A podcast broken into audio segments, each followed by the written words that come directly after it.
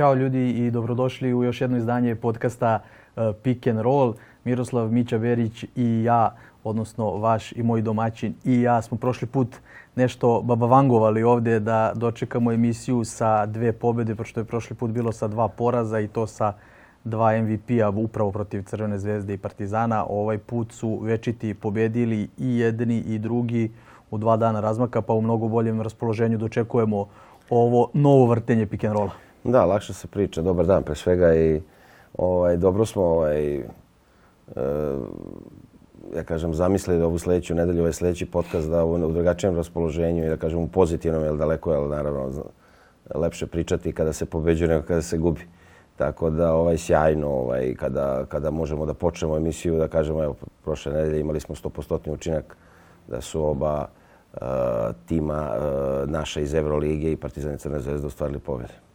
Da krenemo od Zvezde. Mislim, glupo je meriti koja pobjeda je bitnija, ali Zvezda je nekako više gorelo. Zvezda je morala da pobjedi. Partizan je ušao u ovu seriju sada od tri utakmice kod kuće u Euroligi. Zvezda imala tu jednu kod kuće sa Efesom, pa ide u duplo kolo, ovaj, ide u Španiju na duplo kolo Valenciji i Baskoni i drugo Zvezda je bila sa jednom pobjedom manje, sa učinkom 3-7 je dočekala Efes. Efes je došao bez tri centra, bez duže povređenog Elijah Bryanta. Zvezda se mučila prvo polovreme, ali je na kraju pobedila uz zaista moramo reći odličnu partiju Nemanje Nedovića i upravo takav Nemanja Nedović je zaista preko potreban Crvenoj zvezdi uvek, ne samo sada i kao prva opcija na beku, kao šuter, kao čovjek koji će da veže tri trojke u četvrtini i da na neki način i slomi otpor protivnika i reši utakmicu i zapali dvoranu i najbolje odgovori na sve ono što su sudije radile. Ali ovaj, eto, Zvezda je na polovremenu gubila i na kraju da. gubila je 43-51. Nije baš dobro ni krenulo u drugo polovreme na, polu, na početku te treće četvrtine. Na kraju konačan rezultat 97-83. Ali eto, mnogo tih E, stvari koje su dešavale u trećoj četvrtini i sudijskih, i igračkih i o svemu tome možemo, ovaj, su definitivno tih prvih 3, 5, 7 minuta u nastavku utakmice prelomili da Zvezda zapi, u, zabeleži četvrtu pobjedu. Da. Pa rekao bih da je, da, kada gledamo ovako sada na papiru, da za nijansu je bila ovaj, e, teža, odnosno utakmica koja se mora dobiti za Zvezdu nego za Partizan. Ali rekao bih da su oba tima ušli u mečeve da moraju da dobiju jer upravo zbog e, narednog perioda Zvezdu su čekaju dva gostovanja, Partizan dva domaćinstva, ali isto tako može da svaki poraz bi uticao i na Zvezdu i na Partizan. E, Zvezda bi otišla onako sa manje samopo, sa manjkom samopouzdanja e, na ovu turneju, mini turneju po Španiji, dok bi Partizan ili tako isto također s manjkom optimizma i samopouzdanja dočekao sljedeća dva protivnika, Monaka i Armanija ali ovaj generalno s obzirom da je Zvezda imala pred ovo kolo, a ima još, i sada, ali tako pobedu manje od Partizana, onako ovaj, i, i gledajući da i Zvezda i Partizan imaju aspiracije najviše i e, da žele da uđu u play-off. Tako onda je postavlja, znalo se da, da bi zbog e, nastavka sezone bolje bilo da pobede. Drugo kod kuće igraš a igraš kod kuće, tako, tako da ovaj tako da Zvezda je ostvarila jako značajnu uh, pobedu. Verovatno će se to i pokazati u narednom periodu koliko je ova pobeda bila značajna. Uh, rekao si da upravo da je Zvezda to prelomila ovaj, u, u trećoj četvrtini, odnosno kažemo u drugom poluvremenu, ali pogotovo ta treća četvrtina mm -hmm. koja je bila fenomenalna. Bilo je više tih prelovnih trenutaka. Rekao bih da je Efes e, jako dobro napadački pre svega igrao u prvom poluvremenu. Bili su razograni njihovi spoljni igrači u smenjivali su se u serijama, su davali po 5, 6, 7 koševa, a znamo da imaju pojene u rukama i, Larkin, i Clyburn, i Bobua, i e, koji još dao... Thompson. Pa, tako je. Thompson, ovaj, koji nije bio da kažem, toliko raspoložen kao protiv Partizana, ali on je... Ali kad je četvrti da, u toj seriji igrača, je, tako onda je, ne to mnogo da znači. on uh, prodire, izbacuje i tako dalje, ali po meni jedan od ključnih, ako možda i najključniji trenutak je bio kada, kada Efes recimo na nekih 40 sekundi do kraja ili 45 uh, imao napad i plus 9. Uh -huh. Mislim da je tačnije bilo 49-40. Imali su napad. U tom trenutku je Zvezda baš bila u downu.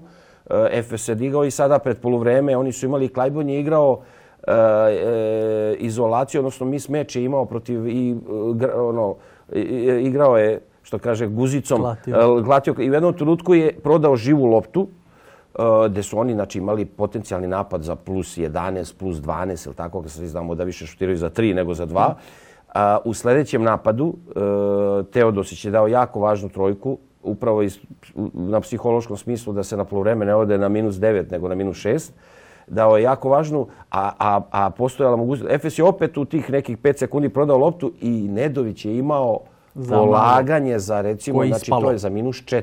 43-51, 7, 8 je na kraju bilo polovreme. Ne, ne, ne, bilo je 49-43. A dobro, to, to. 6, ali je to bilo potencijalno polaganje za minus 4. I stvarno u to, a Efes je prodao dve lopte da niko ne zna kako.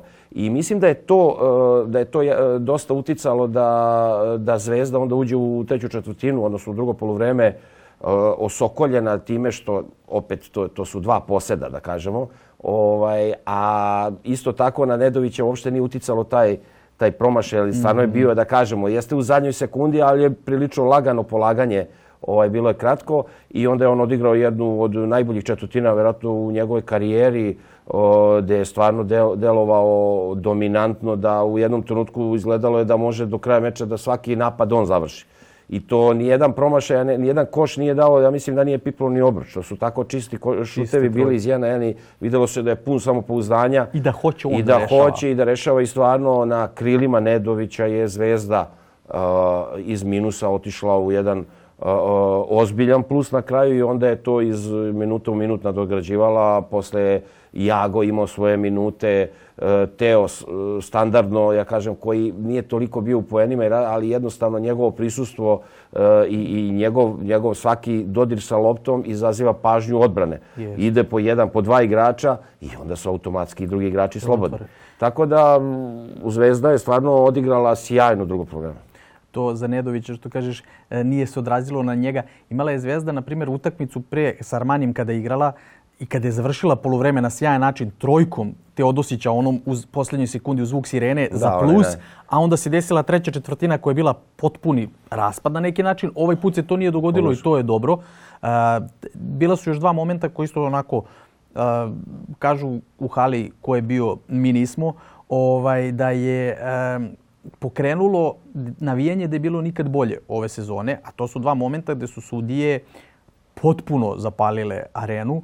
E, Luka Mitrović je dobio jednu tehničku nehotice. Prvo, komentarisali smo prije nego što smo se ovaj, upalili e, da su to situacije gdje, gdje, Luka Mitrović prvo nije takav igrač. On je prilikom neke akcije samo dodirnuo sudiju uz čeonu liniju, onaj čeoni aut, bukvalno kao da ga ne bi srušio, da bi se on zaustavio nešto, dobio je tehničku.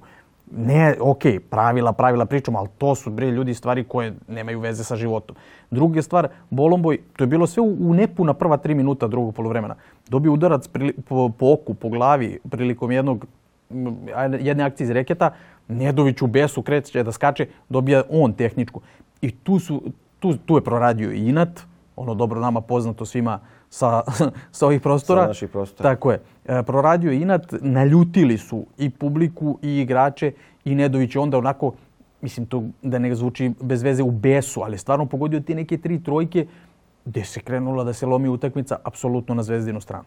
Pa da, evo te dvije tehničke i ovaj, e, sudije i ne znaju ovaj, koliko izazivaju besa, pogotovo u Beogradu kada igraju pred punom arenom i navijači najviše reaguju na te sudijske nepravde ili te tehničke greške ili nešto što je očigledno ne sviraju. I to je definitivno podiglo atmosferu koja je bila verovatno duplo bolja i duplo glasnija i jača nego što je to bilo pre te tehničke. A ovaj što se tiče Mitrovića, pričali smo tako pred emisiju da je to nevjerojatno, jer sudije sada po tim novim pravilima. Oni iskautiraju igrači, znaju ko je kakav. I sada nije, nije Mitrović James, nije Mitrović i ti koji, koji žele da provociraju ili će da ne znam gurnu sudiju ili to. to je to toliko benigno bilo uh, da je on u trenutku kada je, on je izgubio balans, on je dao koš, izgubio balans i on je u tom trenutku pipro. Teo je i, i ne da se našali, a jednostavno da kaže... Ali da je nastavio po inerciji, možda bi ga isrušio ali To de, ali njemu je ništa, on je u tom trenutku, njemu ništa nije bilo, vidi se na faci da je on mislio verovatno da je neko drugi dobio to ili šta je, šta se desilo. da, kao na osnovu čega. I stvarno je bilo onako, pogotovo sudije znaju ko je kakav igrač. Mhm. Svi znaju da, da on nije konfliktna ličnost, neće da napravi, on će da napravi gestikulaciju koju sad će da digne ruke ili će da sudijama nešto, ali to je toliko bilo benigno da, da ti ovaj, sudiš tehničku stvarnost sa te strane, ali ovaj, nakon toga je usledio ovaj, druga tehnička, ne ubrzo, posle možda nekih dva Sve minuta. Je to bilo dva minuta, Očigledno je bilo da je Bolomboj dobio udarac po glavi ili po oku, ne znam, on se uvatio to. E sada onda, a, s obzirom da nisu svirali, Nedović je Ovaj, evo sad smo dobili informaciju da je skakao. Ovaj, kažu kolege. Kažu kolege ovaj, iza kamere ovaj, da, da je skakao i to, to se nije vidjelo. Na, samo u jednom trenutku vidi, se vidi kako Nedović je kod sudija, ali mi nismo vidjeli u tom trenutku se ponavljao snimak.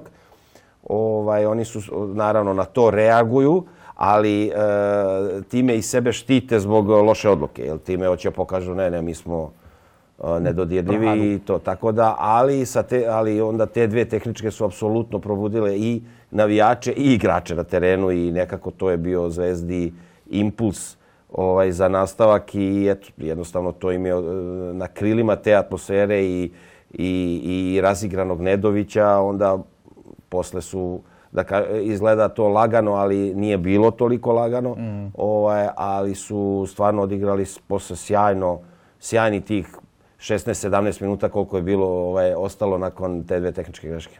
Koliko kao igrača te odluke sudija mogu da, da, da iznerviraju u pozitivnom smislu, da probude taj inad, da, da, da te onako jel ti se dešavalo ili neka situacija da stvarno e sad ćemo da vam pokažemo da, da ne možete tako s nama? Pa ima, apsolutno da. Znači, upravo si rekao, to je inat koji mi imamo ovdje i sa ovih prostora, pogotovo sportisti. Pogotovo sportisti ovaj, uh, iz iz uh, Srbije, pogotovo košarkaši. Ja kažem, pogotovo košarkaši, se prva dina sad ću vam pokažem da je ipak sam bolji, da sam još bolji od toga, da mogu ja i na tvoju grešku i na... Ili jednostavno neko, neko te isprovocira, odbrambeni igrač, nešto pokaže, neka gestikulacija s klupe ili bilo šta, e, onda tome sa... I to te jednostavno vuče i zato i jesmo najbolji. To uvek nas nešto mhm. vuče ono ovaj da budeš bolji i da izvučeš više od 100% i da je tako da to je tako mogu da, da protumačim ovaj, e, to da, za, da kažem za, za nas košarkaše pre svega naravno i ne kažem da je u drugim sportovima to ne postoji ali je specifično za košarkaše da, da je jednostavno izvuče iz tebe i da, da, da daš da, da budeš čak i bolji nego što si bio u toku ovaj e, u, u toku meča.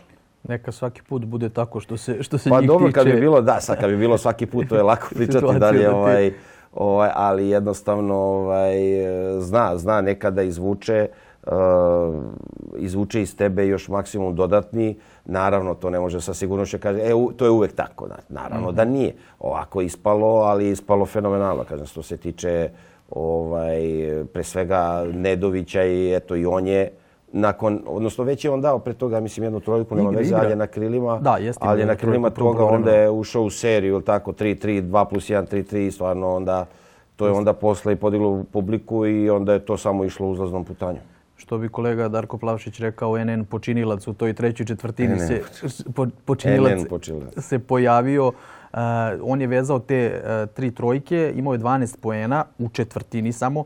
Zvezda je otišla na 68-61 tu ja mislim da je definitivno slomila Efes u celoj priči. Zvezda je za e, pet i po minuta dala 25 poena i e, nevezano samo za to, samo za tu četvrtinu i za te trojke napadački, generalno da je odigrala verovatno najbolje poluvreme u Euroligi ove sezone. Ajde da kažemo, ne, ne da ne računamo taj asvel, ali ta utakmica prošla je dosta od toga, da je ovo bilo najbolje poluvreme, samo tri izgubljene lopte. E, za, u prvom poluvremenu imala 11, a onda je za cijelo polovreme imala samo tri. Da. Pa dobro, to je apsolutno podatak. Evo, taj podatak nisam znao da je tolika, ovaj, da je Zvezda imala 11. Nisam baš, ovaj, da, da. znam da je bilo eh, da je bilo izgubljenih dosta, ali nisam znao ali 11 za poluvreme je baš tu mač. Da, da. A 3 je ono, fenomenalno. Svaki trener bi potpisao, što kaže, sa pečatom kad bi mogla njegova ekipa za poluvreme da ima samo tri izgubljene lopte na, na tako važnom meču ovaj, i, i računajući da i njihovi spoljni igrači su jako agresivni, e, da, da teraju te na neke izgubljene lopte. Tako da sa te strane sigurno to je jedna, jedna od stvari zbog, zbog čega je Zvezda i odigla tako dobro i zbog čega je i pobedila. E, znamo da niko ne voli da, da ekipa pada sa izgubljenim loptama, pada i samopouzdanje, pada i, i, i, i, i navijanje, što kaže niko, ne, te, te izgubljene lopte na, najlošije utiču. I ofanzivni skokovi, ono kad ti nakon drugog napada neko uzme loptu i poentira lagano, to najviše ubija ovaj, da kažem, atmosferu. Tako da sa te strane ovaj, u, u drugom poluvremenu sjajna statistika i Zvezda je bila razigrana.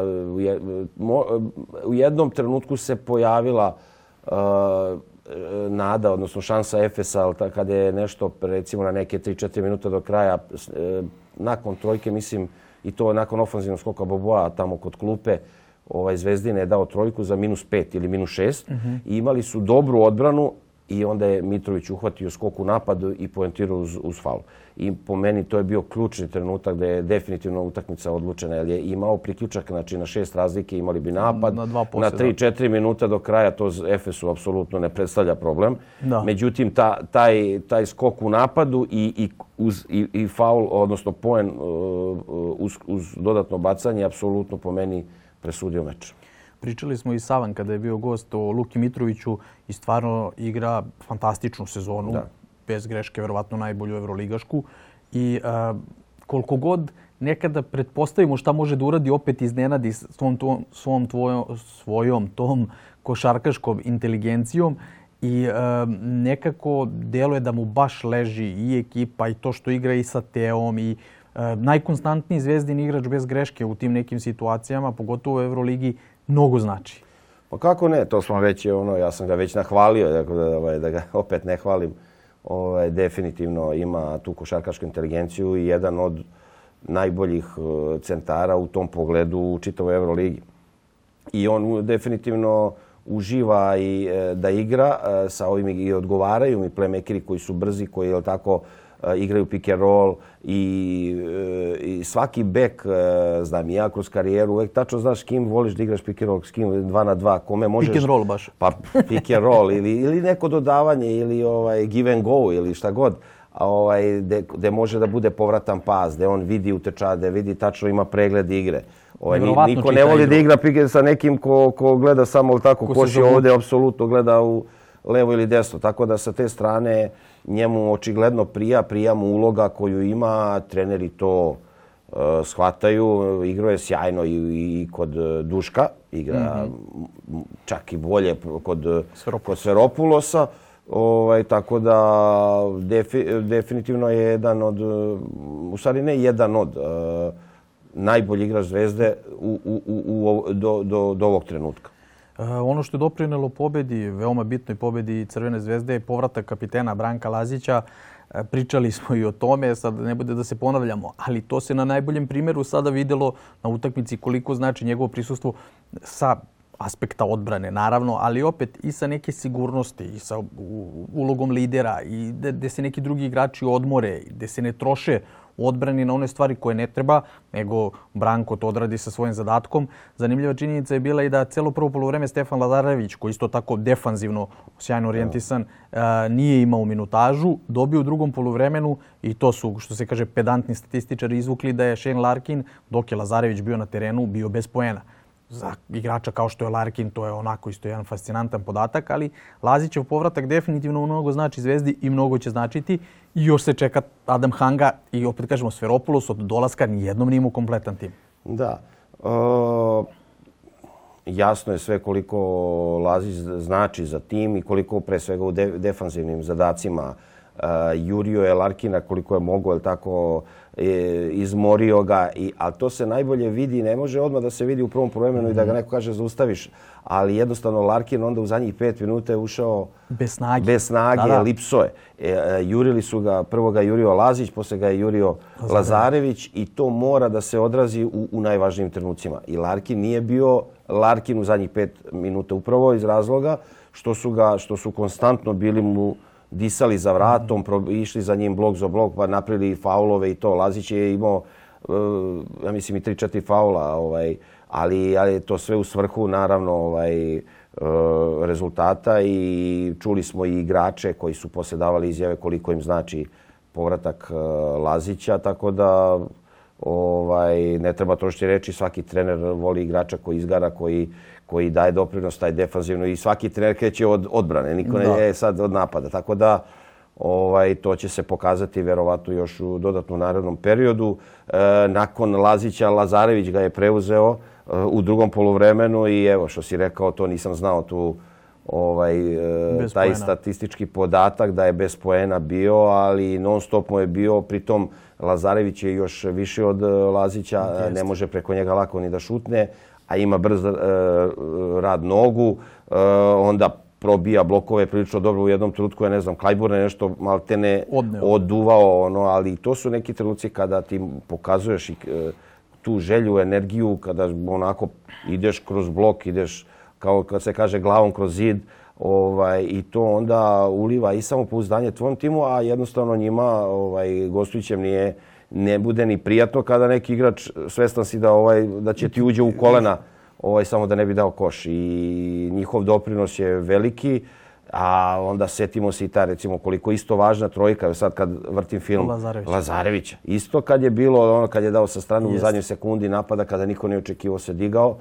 Ovaj... I to znači za samopouzdanje njemu pa kako, je odigrao, da se puni tim samopouzdanjem, da sutra opet sme da šutne tu trojku, da uzme šut, da se nagradi pa za dobru odbranu. Pa naravno mora, e, mislim, e, mora, mora da razmišlja i napa, ne, da razmišlja e, i napadački, da ne može, svestan je da kroz karijeru ne može isključivo samo odbranom, da, da mora da ima, mislim da nije igrač koji ne može da pogodi i, i to je upravo pokazao na e, prethodnoj e, utakmici Jadranske lige kada je vezao... Bez greške šutirao. Tri, tri trojke je vezao u drugom poluvremenu ja, i to u trenucima kada je Zvezda padala. Ovaj, samo me podsjeti s kim je... E, Krka. U Krka, Krka, u novom mestu. Krka novom mestu. Kada je u trenucima Krka smanjila, sad to je sve delo smanjila nekih 12, 13, 11, na 11 pojene ili 12 i sad na 6 minuta, 7 minuta do kraja nije ti sve jedno da kada neko sa 26 pojena dođe na 12, 13, ovaj, Lazarević je vezao tri trojke od to, ili, je, tri plus jednu zgaženu. I, da, I to sve bez... sa 45 stepeni, tamo se kod klupe Krke. Tako i sad protiv Efesa isto je pozicija. ista pozicija i ovaj, tako, defi... a onako povrati samopoznanje, kad onda onda će biti jako opasan ono igrač kome će trener davati vjerojatno i veću minutažu ovaj, iz razloga možda što nije toliko, što e, nije poenter i to onda mu i dobija manju, mora, mora da radi pre svega na, na, na svom šutu. Jedina mu je to prepreka da postane, da kažem, postane veliki igrač. Elitni igrač, da. I... Jer e, def, definitivno bez šuta u savremenoj košarci, mislim i ranije, ajde da se ne lažemo. Ali sad pogotovo. Ali sad pogotovo ovaj, da se igra i brža košarka, kraće i napad i sve to. E, bez šuta s polja, spoljni igrač, ovaj nema šta da traži. Da, dobit će možda Zvezda i kažemo nekog konstantnijeg aduta za, za nastavak sezone. A prvo ono što ih čeka u nastavku sezone je duplo kolo. Svi oni koji vole Euroligu uživaće ove nedelje, ovaj, prvo odslušaju nas. Šta smo imali da kažemo, onda, mogu da, do petka. onda mogu da gledaju utakmice na miru. A, Zvezda ide u Španiju. U Španiji je često znala da pobeđuje da kažemo, manje timove od Reala i Barcelone, da li su vezana gostovanje ne, ali znala da ode i u Baskoniju i u Malagu na go, u gostovanje i Valenciji. Prvo sljedeće Valencija, sreda 20.30, posle dva dana kasnije Baskonija isto 20.30. A, ono što je problem, ja bih rekao problem što je Valencija u seriji od pet poraza.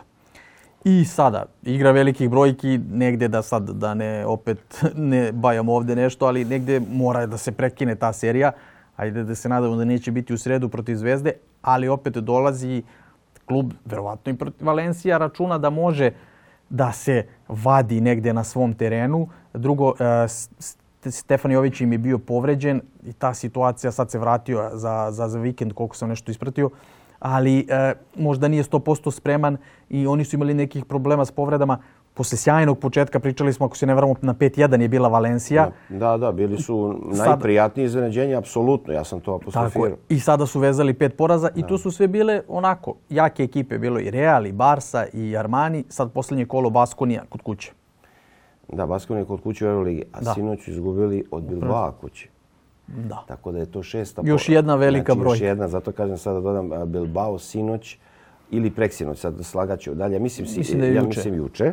Ovaj, tako da je uh, alarm upaljen u, u Valenciji.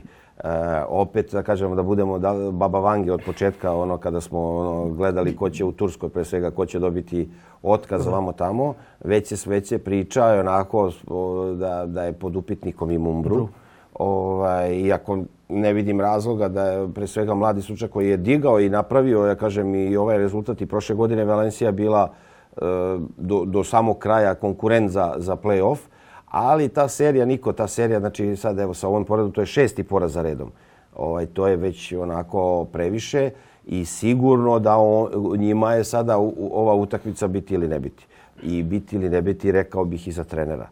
Koliko mm -hmm. god e, to zvučalo onako preoštro, ja ne bih voleo, ali znam kako i, i odmah uh, listajući njihovu štampu i gledajući i reakciju na utakmici, ko kako ovaj, navijači, da je to čim reditelj prikazuje kamerom ovaj malo predsjednika, malo, malo trenera. Malo predsjednika, malo odnosno više trenera, kao što sam to spominjao kada pred Baskoniju. Pred Baskoniju, pred, igrala je Baskonija baš, čak mislim, ne, nije sa Valencijom s nekim igrali, da je u tom trenutku Malagom. Malaga. Kada je ovaj, Malaga otiš, vodila neki 15 razlike, 10, da su konstantno ovaj kamera išla čas na trenera, čas na ovaj na čas na, čas na Kerehetu. Kerehetu i predsjednika. Tako da ovaj u nezgodnom trenutku Zvezda gostuje Valenciji u smislu zato što će oni sada mora da, da dati svojih 200% mogućnosti da dobiju tu utakmicu i da izađu iz ove krize koja je zahvatila kroz poraze i u Euroligi i u ACB-u. Ovaj, dok Zvezda zna da ima šanse, mora da zna da ima šanse, ukoliko utakmica bude u egalu ili bude pred kraj, oni će daleko biti nervozni nego što je Zvezda. Jer njima je sada uh, podmoranje dobiti u tu utakmicu i zarad mira u kući, zarad e, tabele, tako da sa još jednim porazom onda već aspiracije ka play-offu ovaj, opadaju. Ali ovaj biće jako interesantna utakmica, jako interesantna utakmica. E, pobjeda bi Zvezdi naravno mnogo značila pred opet gostovanje u petak u Vitoriju protiv Baskonije dok isto tako Valencija eh, razmišlja samo o pobedi. Eh, Jović juče nije, sinoć nije igrao. Nije igrao, sad da li će se to, bila je povreda, koliko je to... Ovaj, koliko može. Koliko može, to i ne znam ni tačno koja je povreda u pitanju. Ovaj, eh, e sad, Jović prvo koji poznaje E, poznaje Zvezdine igra, poznaje bivši igrač Crne zvezde, zna, neću kažem sistem, ovaj, pošto je to sve nije on radio pod Sveropulosom, ali zna igrače. Mi kada igraš nekim, ti tačno znaš e, ko, ko, ko je mane, vrline ti igrača i ovaj, ne verujem da bi Zvezda bila, da bi Zvezdi odgovaralo da Jović igra. Jer on, on, on je jedan od pravih ono, playmakera, playmakera tako, koji igra izvanrednu odbranu i upravo njegova uloga će biti velika Zvezdina ovaj najveća prednost i najveća snaga je upravo na poziciji playmakera i na toj poziciji dvojke. To pa videlo se u na svetskom prvenstvu kad smo bili u pa Manili koliko je naša reprezentacija drugačije izgledala sa Jovićem i bez njega i to i u početnim utakmicama i sve što smo pratili. Stvarno e, sam rekao koliko bukvalno drugačije koliko zavisi od njega jer je to što si rekao pravi playmaker prvo ima doprinos u odbrani nemerljiv, a onda u napadu može da uradi ono što malo igrača može da uradi kada kreira. Tako da, da, od Jovića bi isto moglo dosta da zavisi. Uh, Valencija svakako ta prva bitna, druga će biti još specifičnija, jer Duško Ivanović sa Baskunijom čeka zvezdu. Oni su na 5-1 od njegovog dolaska. Uh, tu za Valenciju, što sam rekao, kad je pet za redom, Armani, Real, Barsa, Panathinaikos, Baskonija nije baš da su gubili od Žalgirisa, Albe, što bi rekli od ovih koji su da, slabiji, Asvela ili ne znam koga, nego su gubili teške utakmice, ni raspored im baš nije išao ne, ne, na ruku tu. Nije, da. Ali posle toga Baskonija sa Duškom kod kuće isto će biti onako više nego specifična utakmica za, za Crvenu zvezdu. Da, ne, ali nezgodno je sada ovaj, prognozirati i razmišljati kako ovaj, ta utakmica će u mnogome zavisiti od, od rezultata ovaj, kola u sredu. Uh, Baskonija gostuje, uh, kome gostuje Baskonija?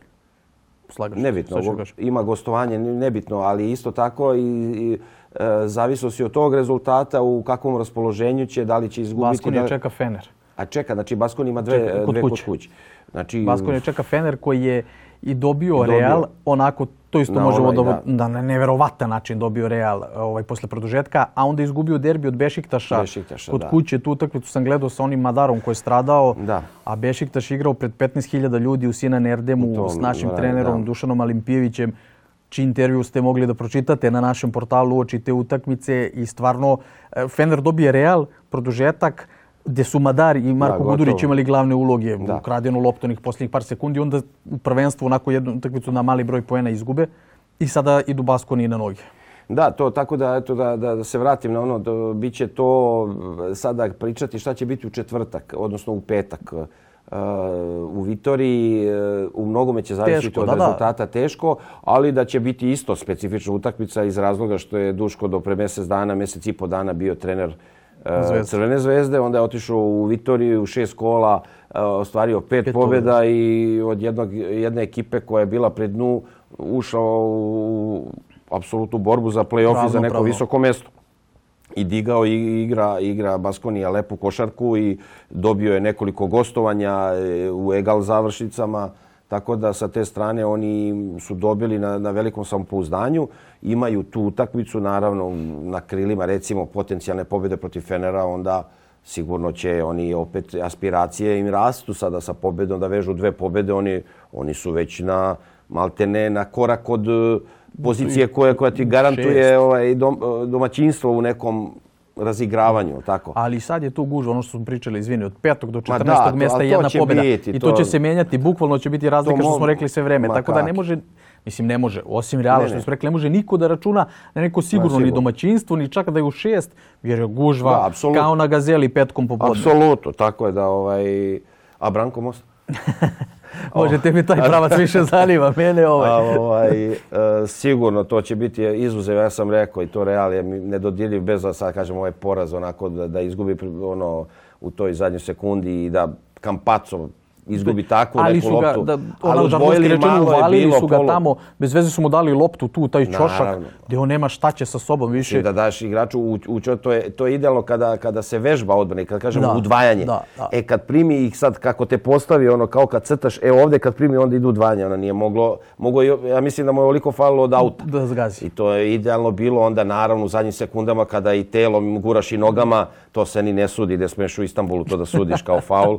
ovaj, tako da sa te strane stvarno ovaj, jedna onako jedna situacija koja ne, nikad ne bi rekao da može tako da se, da se, desi. da se desi i da se desi Kampacu i da on ne baci, on je mogao da baci ka košu, ona bi odskakutala i bilo bi, bacio i, i bilo je ne.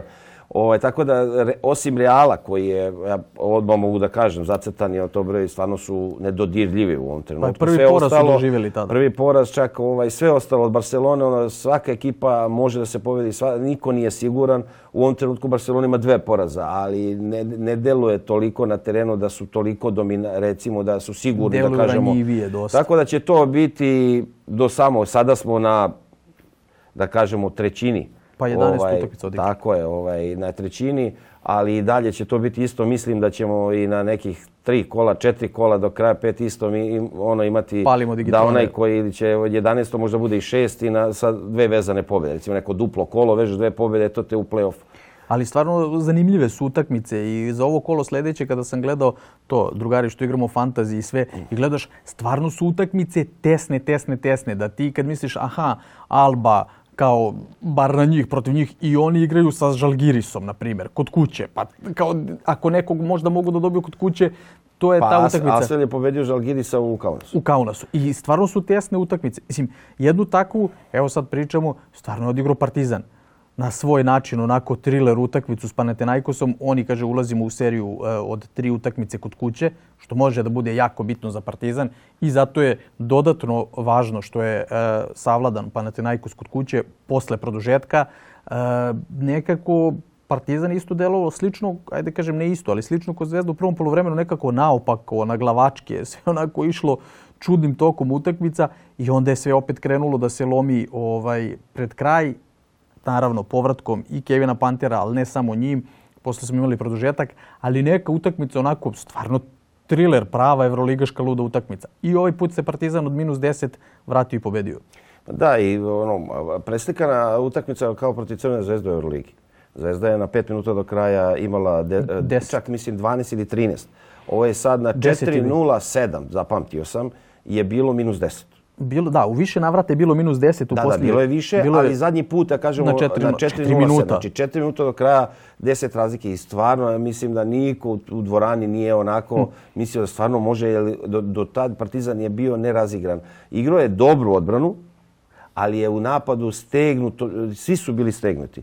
Uh, Panter nije, mo, znali smo, ja sam rekao, ne, nemoguće je da neko ne očekuje da nakon mjeseci i više, da kad se vrati da će igrač, svaka da, da će svaka, ne, ne, a i da, da će ne, ne samo svaka, da će dođe svaka druga. Jer to, to nakon mjeseci i po dana igranja ti uđeš u takvu utakmici, naravno imaš želju i onda on je, on je startao sa 0-5 ili 0-4. I onda je od, od trenutka, od tog trenutka, on je do kraja utakmice dao 13 pojena. Znači on je u tih 4 u 9 minuta je dao 13 pojena i ne zna se ko je, koji koš je važniji od kog.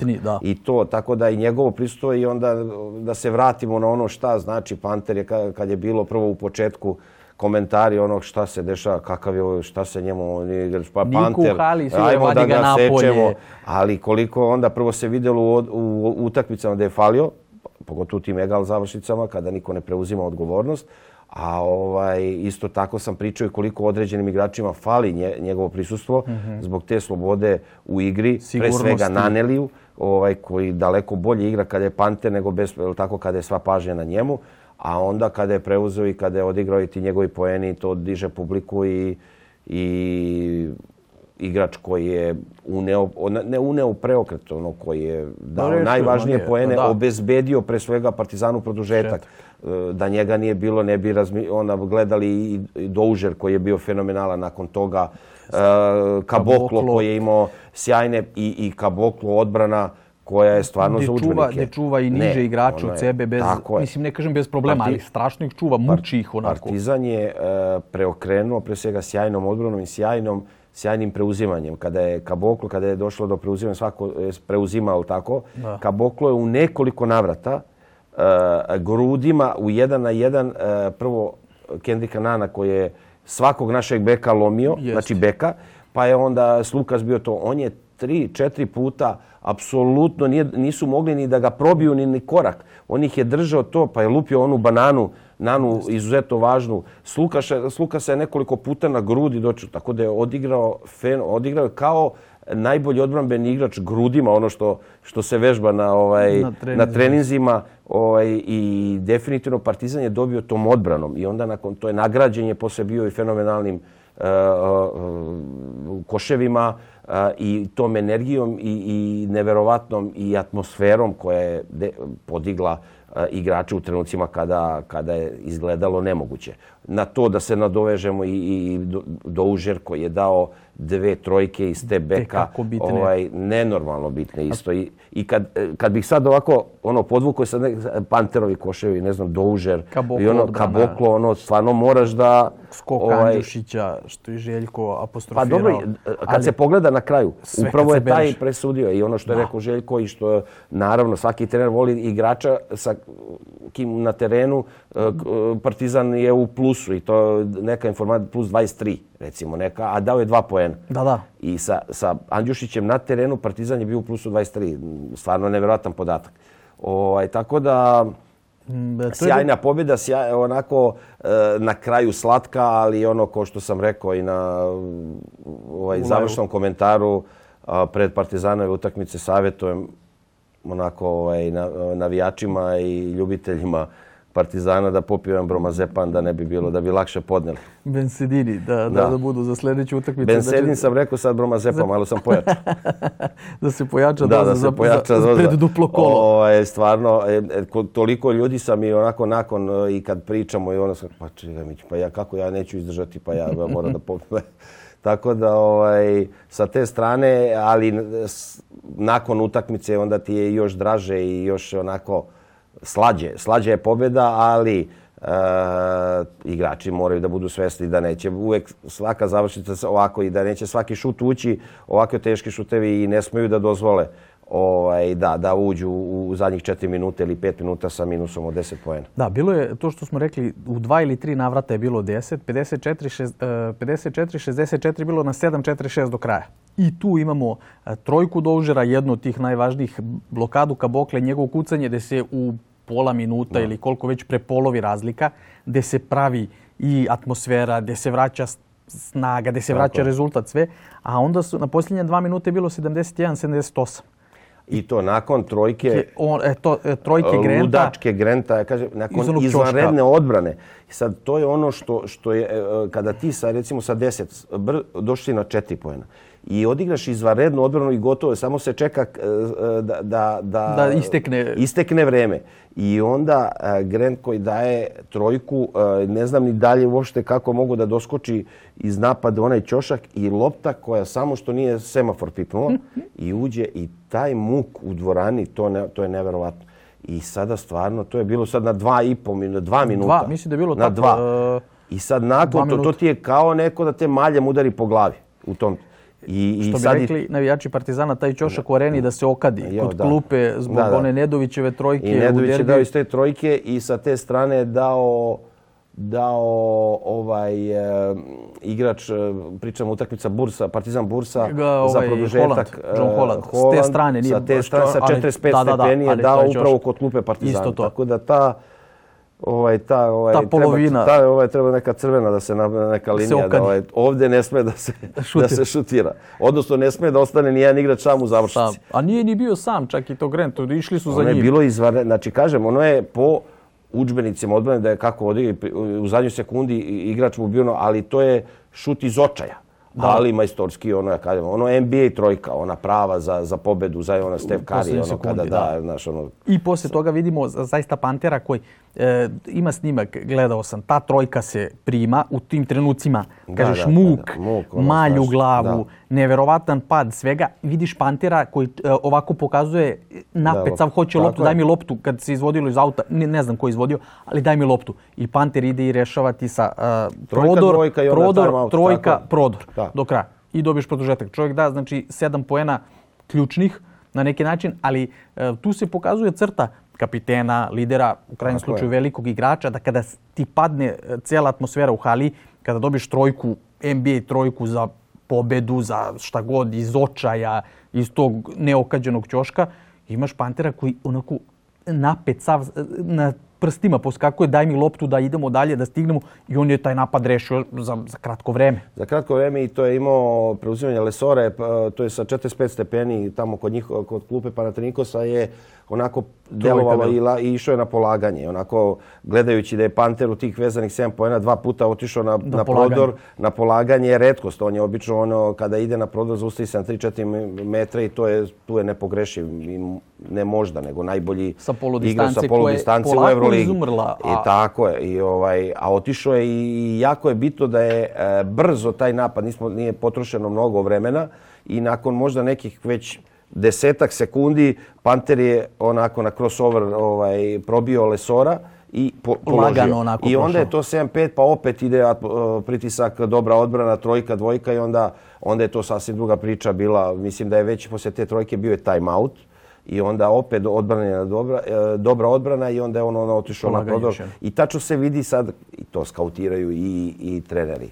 E, gledaju igrači po dva, tri puta pred utakmicu. I tačno se vidi da je Grant čekao da Panter na, na 3-4 meta stane i onako sa rukom pripremljenom već da ga ide na loptu i samo je produžio je korak i otišao. A on je očekivo da će se digne On je već očekivo i to je, to je ovaj sada nešto što je Panter da kažem novina, da lucidnost, tako je. Promenio I, svoj tok misli. Jel, svi, svaki, sja, onaj, svaki dobar igrač i to da zna da, ga, da se skautira.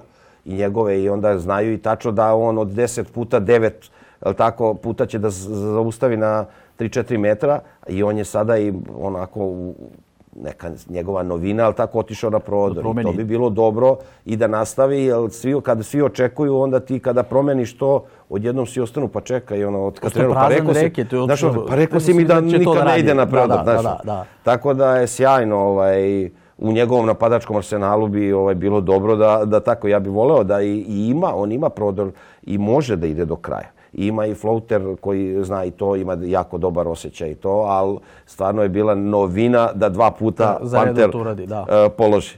Ovaj, tako da sjajno i bilo je nekoliko, nekoliko, da kažem, heroja u Ključni pobedi, ključi igrača sa Pantera koji je to pričamo njemu, ali moramo nakon mjeseci i po dana da ti odigraš takvu završenu u najvažnijim mm -hmm. trenucima, to je ono što svi žele i što tako ali Doužer igra sve bolje i bolje. Mm -hmm. I ne samo, mislim po meni, ja sam ga od prvog kola, čak i u trenucima kada je onako nije primetan, ne uzima, e, ne uzima previše loptu, ne više igrao za tim, nekako je bio stegnu. Tako mi je delovalo, ali definitivno igrač koji e, u izolaciji jedan na jedan čak ima bolji nego Panter u smislu prodora i on ima taj e, iz driblinga kada se zaustavi na 4-5 metra jako dobar i ono što je pokazao bolje šutira za tri poena iz driblinga, iz te beka, nego kad je isključivo, kad je sam i onako ovaj, sa mesta. Tako da i neverovatno inteligentan igrač, lucidan,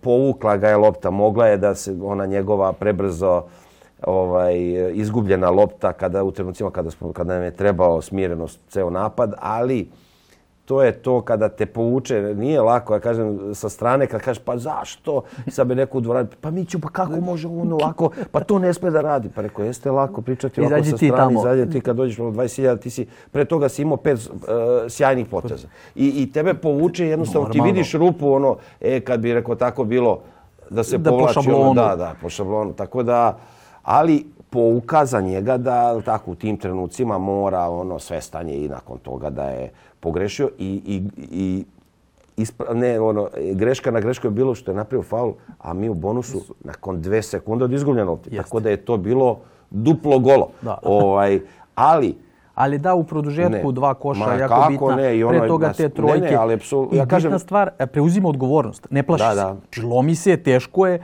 Ako nije Panter, on je taj koji će da uzme loptu i to je pokazao da nema problem s tim.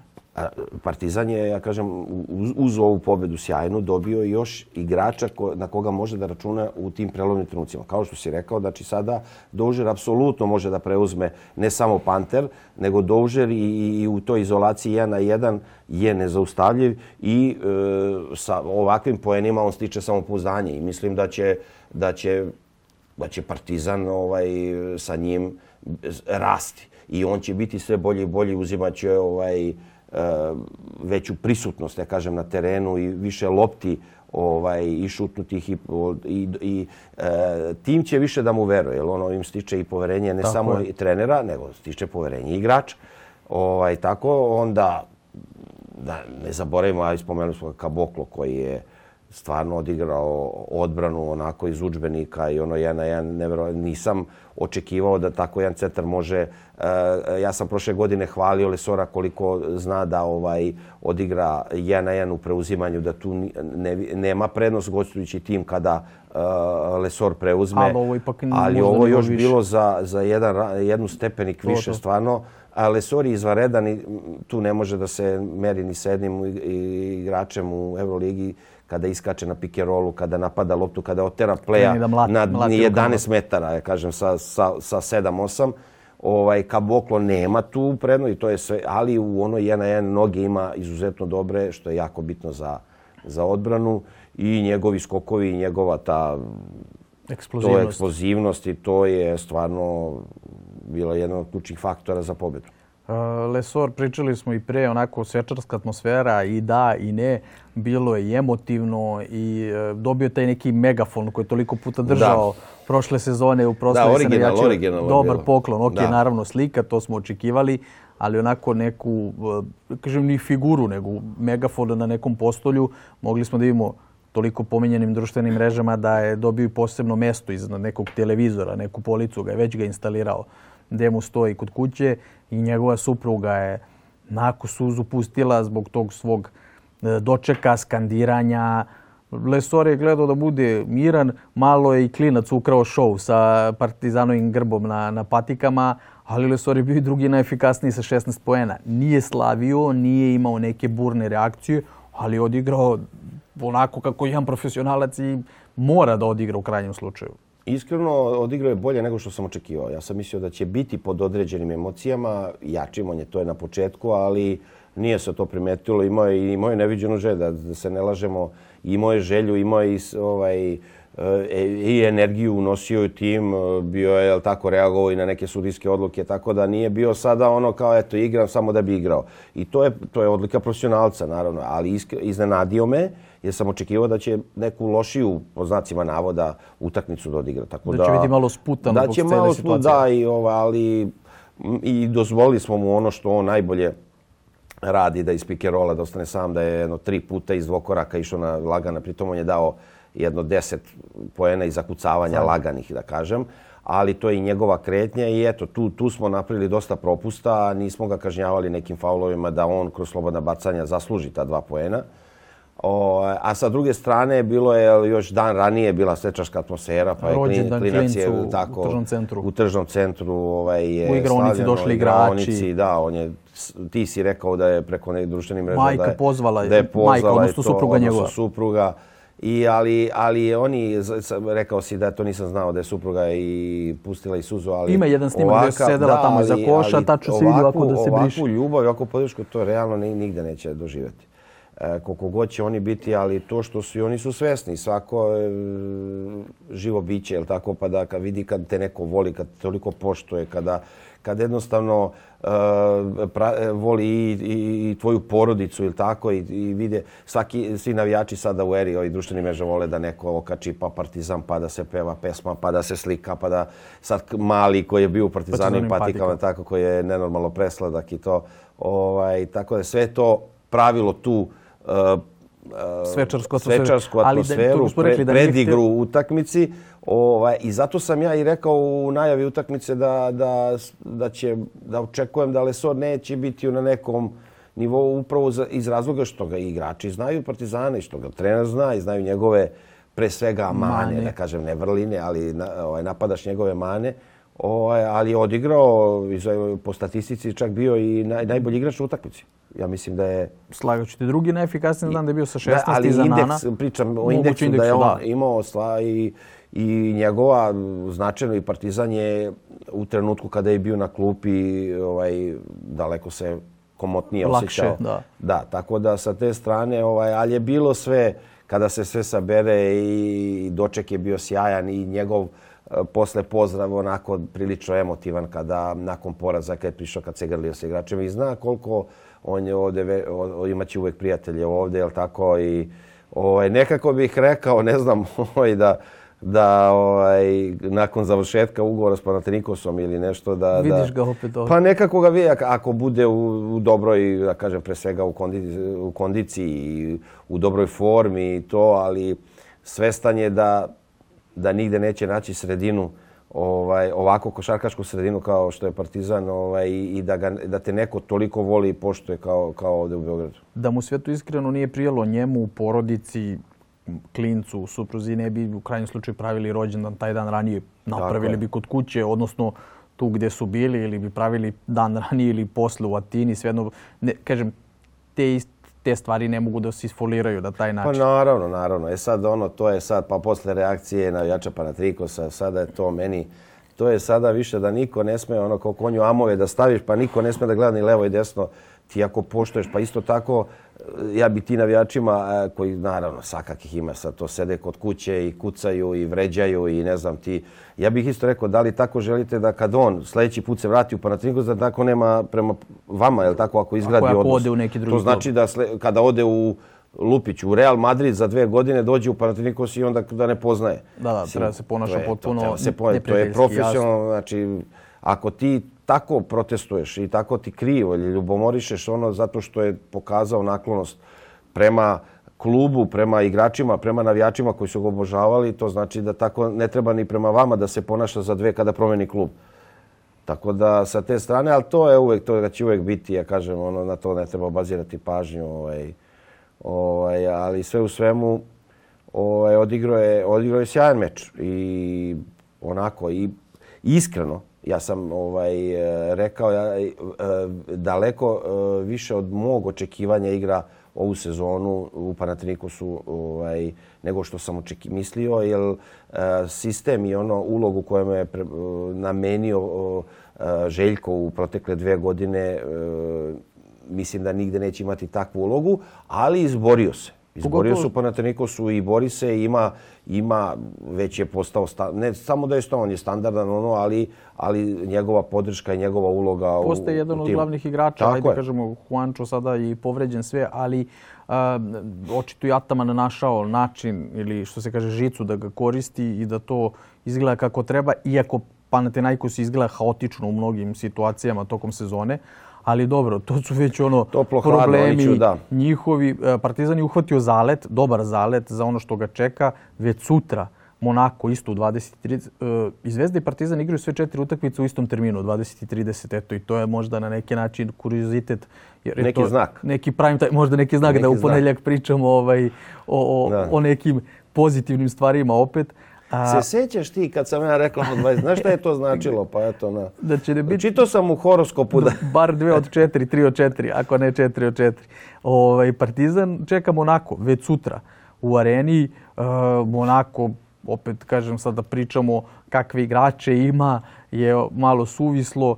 Mike James, jel može da se čuva, ne može da se čuva. Čovek koji je u stanju da da svakom 25 plus poena dolazi sa Sašom Obradovićem posle velikog uspeha koji su imali i prošle sezone i to je bilo suludo da se pričalo čak i o nekoj smeni Obradovića na početku sezone. Čovek im doneo titulu i mislim u francuskom prvenstvu. Da li oni pretenduju na evropsku titulu? Verovatno da da i tu su imali uspehe i igrali tu završnicu i sve. A, onako, možda e, težak protivnik, ali u pravo vreme na neki način iako Partizan ne djeluje toliko ubedljivo, ali opet ako su već uhvatili zalet jedna pobjeda, pa to, bude u tom duplom kolu na početku i srednja utakmica u ta tri vezana domaćinstva. Posle toga pa, Armani. Monako je sjajan tim, e, Saša Obradović je sjajan trener i to upravo da se samo eto, u, na, u kratko ovaj, setim to, te završnice i tog ovaj, nakon kažem i osvojenog prvenstva da se spominjalo to Saša neće biti trener i to ovaj da, da, da je ne znam da mi nađe neko predsjednika, neko koji će smeni trenera ili razmišlja o drugom nakon Final Fora prvi put u istoriji. Ja kažem, nisu ni znali šta je Final Four u Monaku do pre pet godina. Ovaj, kako je to takmičenje, da li je to futbal, Ko je to košarka, rukomet, vaterpolo. Ovaj, I nakon osvojene titule da ti se razmišlja samo zarad toga kakvi su odnosi e, između njega i Jamesa. Ovaj, e sad, stoji to da da predsjednik obožava Jamesa. Zašto, kako, to niko od nas ne zna dok neko ne, javno ne, ovaj, ne kaže. To je, on, on je nedodirljiv šta god radio. Šta god radio, a znamo, mislim i... Ali to normalno u jednoj ekipi? Pa ne znam. Ne, a ovo sa jednostavno, Sa, Saša je svestan i, mislim, e, u podsvesti nećemo sigurno da, da izjavi to, ali nekako sam sigurno u podsvesti da on Jamesa ne bi držao u timu, uzo bi nekog drugog igrača, ili tako, zarad neke. I dalje mislim da on ovaj, će biti to toplo-hladno, gore-dole, ali zarad nekog velikog uspeha ja lično nikada ne bih uzeo ovaj, Jamesa u neki veliki klub. Mm -hmm. E sada, mhm. koliko onako želi da bude veliki, to želi. Znamo da je i i ova velika dvorana, odnosno ta, treba da se presele jako Tako brzo. Sad ne znam da li u toku ove sezone ili bila je priča čak u toku ove sezone će biti gotova. Se prebacio, sad ne znam tako. da li za Monako da, da će biti. To sasvim u sred sezone prebacio. I to sasvim drugo je sad. Koliko će oni napuniti, sad je to pitanje. E sad, da li to što ti kažeš, Monako hoće da bude veliki klub, da li im je bitno da igraju Final Four svake godine ili svake godine ako je moguće, ili im je bitnije da imaš Majka Jamesa ili jedno i drugo. Doveli su Kembu Vokera. I baš pre nego što smo ušli u studiju sam vidio Kemba Walker ima neke brojke onako prilično poražavajuće. Pričamo o Kembi Walkeru, ne pričamo o nekom da, istrošenom 56. igraču iz NBA koji se tamo nekako nešto da, pojavio. Ali, pričamo o čovi šestrukom all star igraču ali moramo da shvatimo da je on onako... Ok, jeste pa, u padu i pa povređen. Pa ne samo u padu, on je pred kraj bio i povređen i... Uh, a NBA all-star igrač. Da li mu onako to znači upravo da ima jednog Kembu Walkera, makar igrao i ovako i onako zbog publike, popularnosti, popularnosti pa, košarke možda u, u Monaku samom ili kako već, pa i Jamesa njega u paru na, naš, na bekama zvuči onako Reka, zvuči... Rekao bih ovo drugo, da njima, ovaj, da oni žele i da naprave spektakl i da mm -hmm. dovode imena i ovaj ja kažem ala Saudijska Arabija ono sad ne da i Neymara ne, ne kažem da je to sve. znak jednakosti ali da da se stvara ta da se dovode igrači sa velikim imenima. Pritom ovo je najveće košarkaško ime NBA koje je uopšte igralo u Euroligi da se ne lažemo. apsolutno bez ne znam kad je bio ono na ovu staru pre 3 4 godine sad već ne mogu da ovaj, pred koronu, kako posle korone, sad taj period od korone me zbunjuje skroz. Ovaj, Život pre i posle. Da, ali oni će na to da idu i da pravi spektakl daleko od toga da oni ne žele da napravi da svake sezone koji tim Ne vidim ni jedan tim koji ne bi želeo da pravi Samo uspeh šta, i to. Šta je po, po parametrima Tako bitnije? Je tu sad, smo na pola će pola. se spektakl i to oni žele i da privuku, oni znaju da, da, će, da ime će da, privu, da privuče publiku, ali isto tako jedan veliki upitnik uh, sa ta dvorana kolika je, nešto je isto ne, nešto 12-13 hiljada je priča. Moguće. Kako napuniti tu dvoranu ako ti ovu dvoranu od neke 3000 školsku salu, školsku, u okviru, u podrumu, u okviru u stadiona. ti- u stadiona, ovaj, ne možeš da napuniš.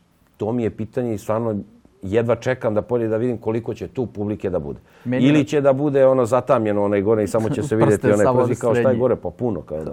Ne, meni je to za tu halu, kad je gledam nekako me, uh, nervira me. Ko Krka u novom mjestu, kažem, nije, nije ista, ali taj neki ambijent Kao što je onako Krka, sve... kao što je no, dvorana u Novom mestu za Jadransku ligu, Ligu, tako je- Monako za Euroligu. Tako mi da. deluje, onako sve Da. nekako strmo, jer je ispod stadiona nekako ukopano, ne znam, deluje mi potpuno nekošarkaški. Možda se nekome sviđa, nemam ništa protiv. Parket im je lep, bio Pa što se tiče zanimljiv. Euroligi, to naravno da ovaj, nije košarkaški. Mislim, nije, da svi čelnici Eurolige ovaj, to to Sigurno im se ne sviđa. žele, tako da, Ali im se isto sviđaju tako, pare koje isto tako onako. da, ovaj, da ljudi shvate a, kad bi Partizan i Zvezda igrali u takvoj dvorani, ne bi E od Eurolige vidjeli. Onda da se odmah to bi izašli zakoni, evo, to ne može, Ne mora može. da bude toliko, toliko, ali što kaže, para vrti da Burgija neće, tako da... Partizan Monako, Pa, sutra uveče. izvaredan, izvaredan meč. Opet kao ja kažem, jedan od derbija kola protiv Panathinaikosa je zvanično bio derbi kola, ali iz mnogo kažem i razloga. termini 20, Iz 30 mnogo i- razloga ovaj, e, bilo je to ovaj, pre svega e, Željko, Željko Ataman. ali sve nekako u jednom trenutku Euroliga staje pa da, vraća se ili to su i neki naši mediji potencijali, znaš, povratak Lesora, ono, pa kako to može bude pre nego što je Željko, mislim, prvo prvo da je Željko. Znači, ako je Panathinaikos i to Željko, pa tek onda ide derbi e, kola, pa vraća se Lesor. Matijas Lesor. Kako može se poredi povratak Lesora u Beograd i Željko ili koji je bio Željko 13 Ataman. godina i Željko Ataman, to, to rivalstvo i to. Tako da sa te strane je to bio, a ovo ništa manje lošija utakmica.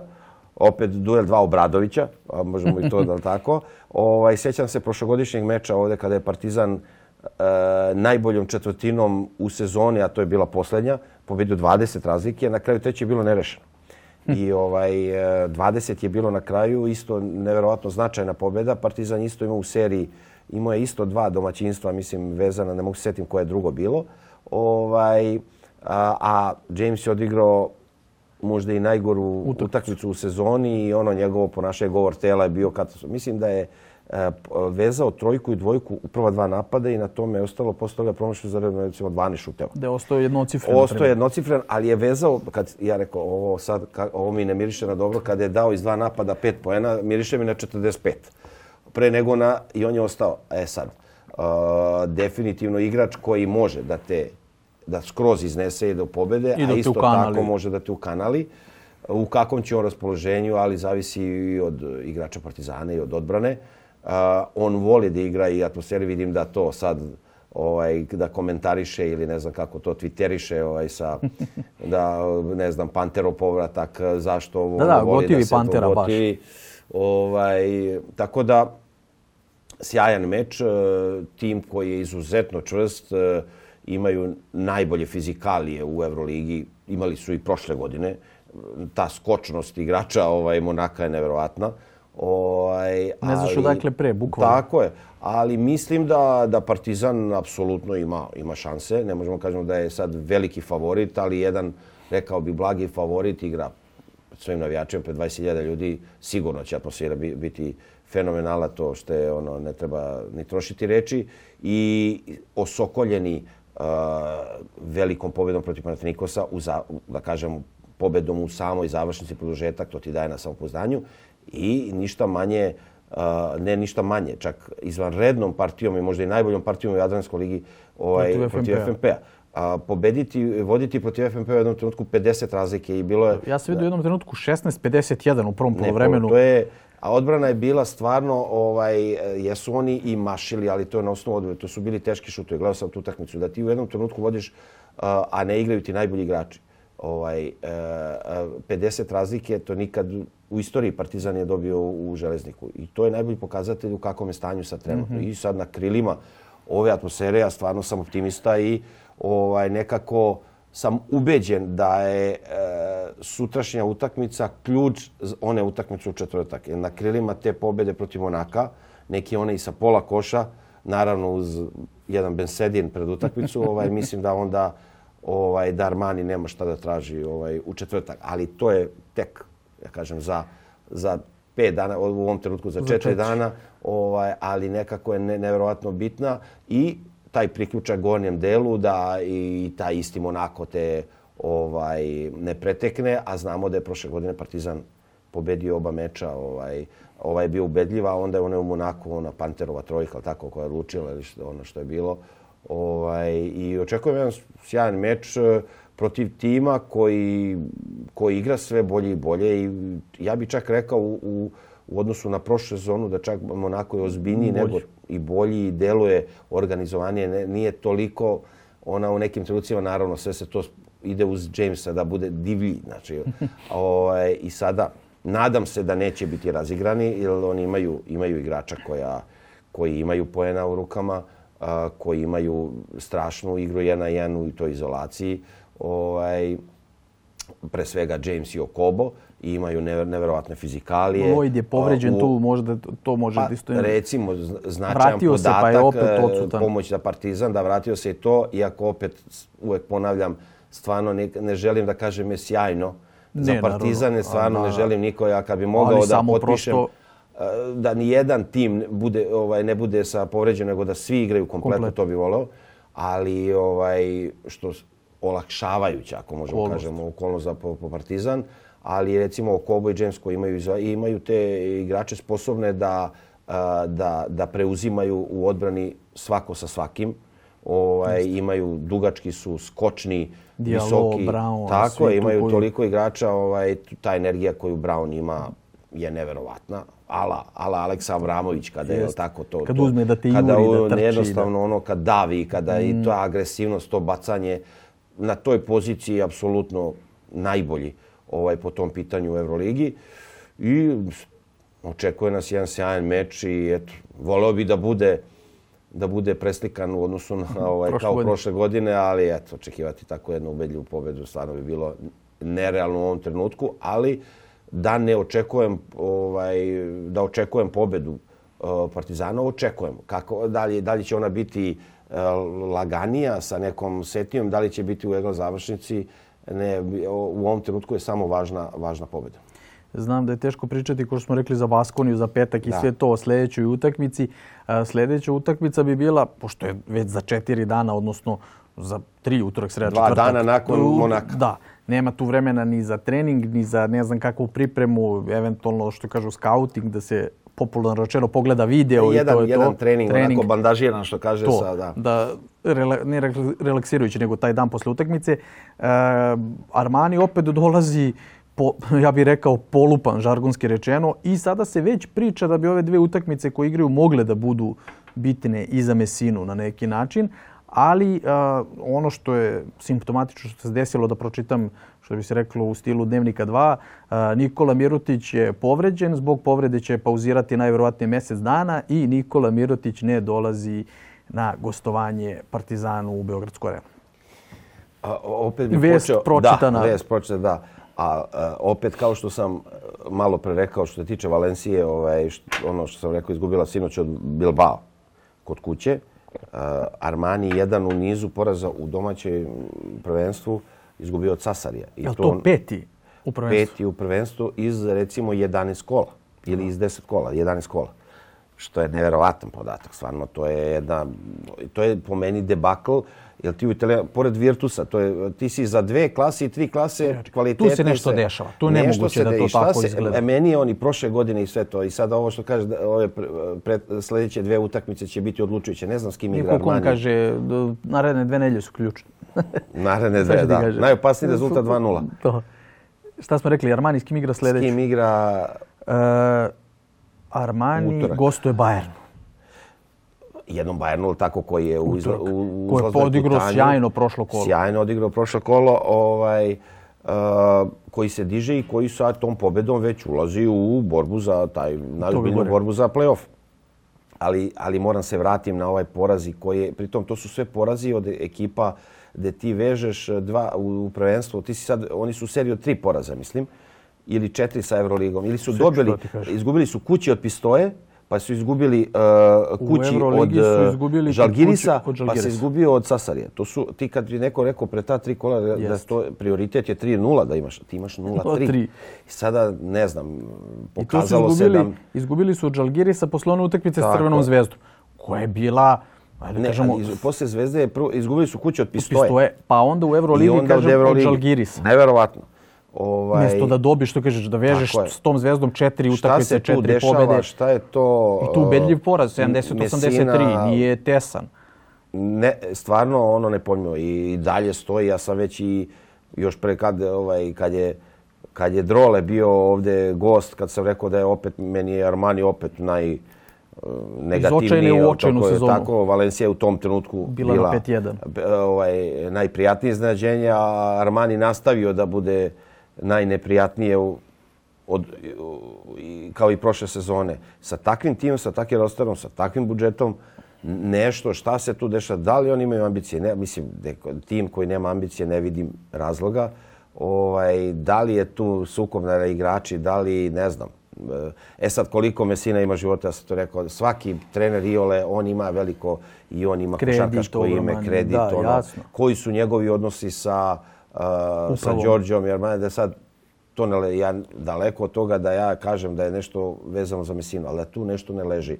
E, ukoliko jednostavno rukovodstvo i, ili predsjednik kogod odlučuje, jednostavno rekli to on je nedodirljiv, onda, ali tako, to, onda, onda ne znam šta bi rekao, onda ta sezona će ići kako će ići gore dole, će u seriji pobjeda, da li oni razmišljaju ovaj, da li oni razmišljaju o novim pojačanjima, šta, ali tolika količina, ali tako, i igrača, para pre svega. Individualno sjajnih Ali e, sve, ja kažem, vraćam se i na to, i ta konferencija Mesinina da je spominjao Neipira, ono, to mi je totalno ne ide uz njega, ne ide Neipira, nego Pengo sa svog igrača. Pa i to svog igrača da je to. Šta se tu dešava unutar, koje to, koji su to poremeći? To su poremeći odnosi.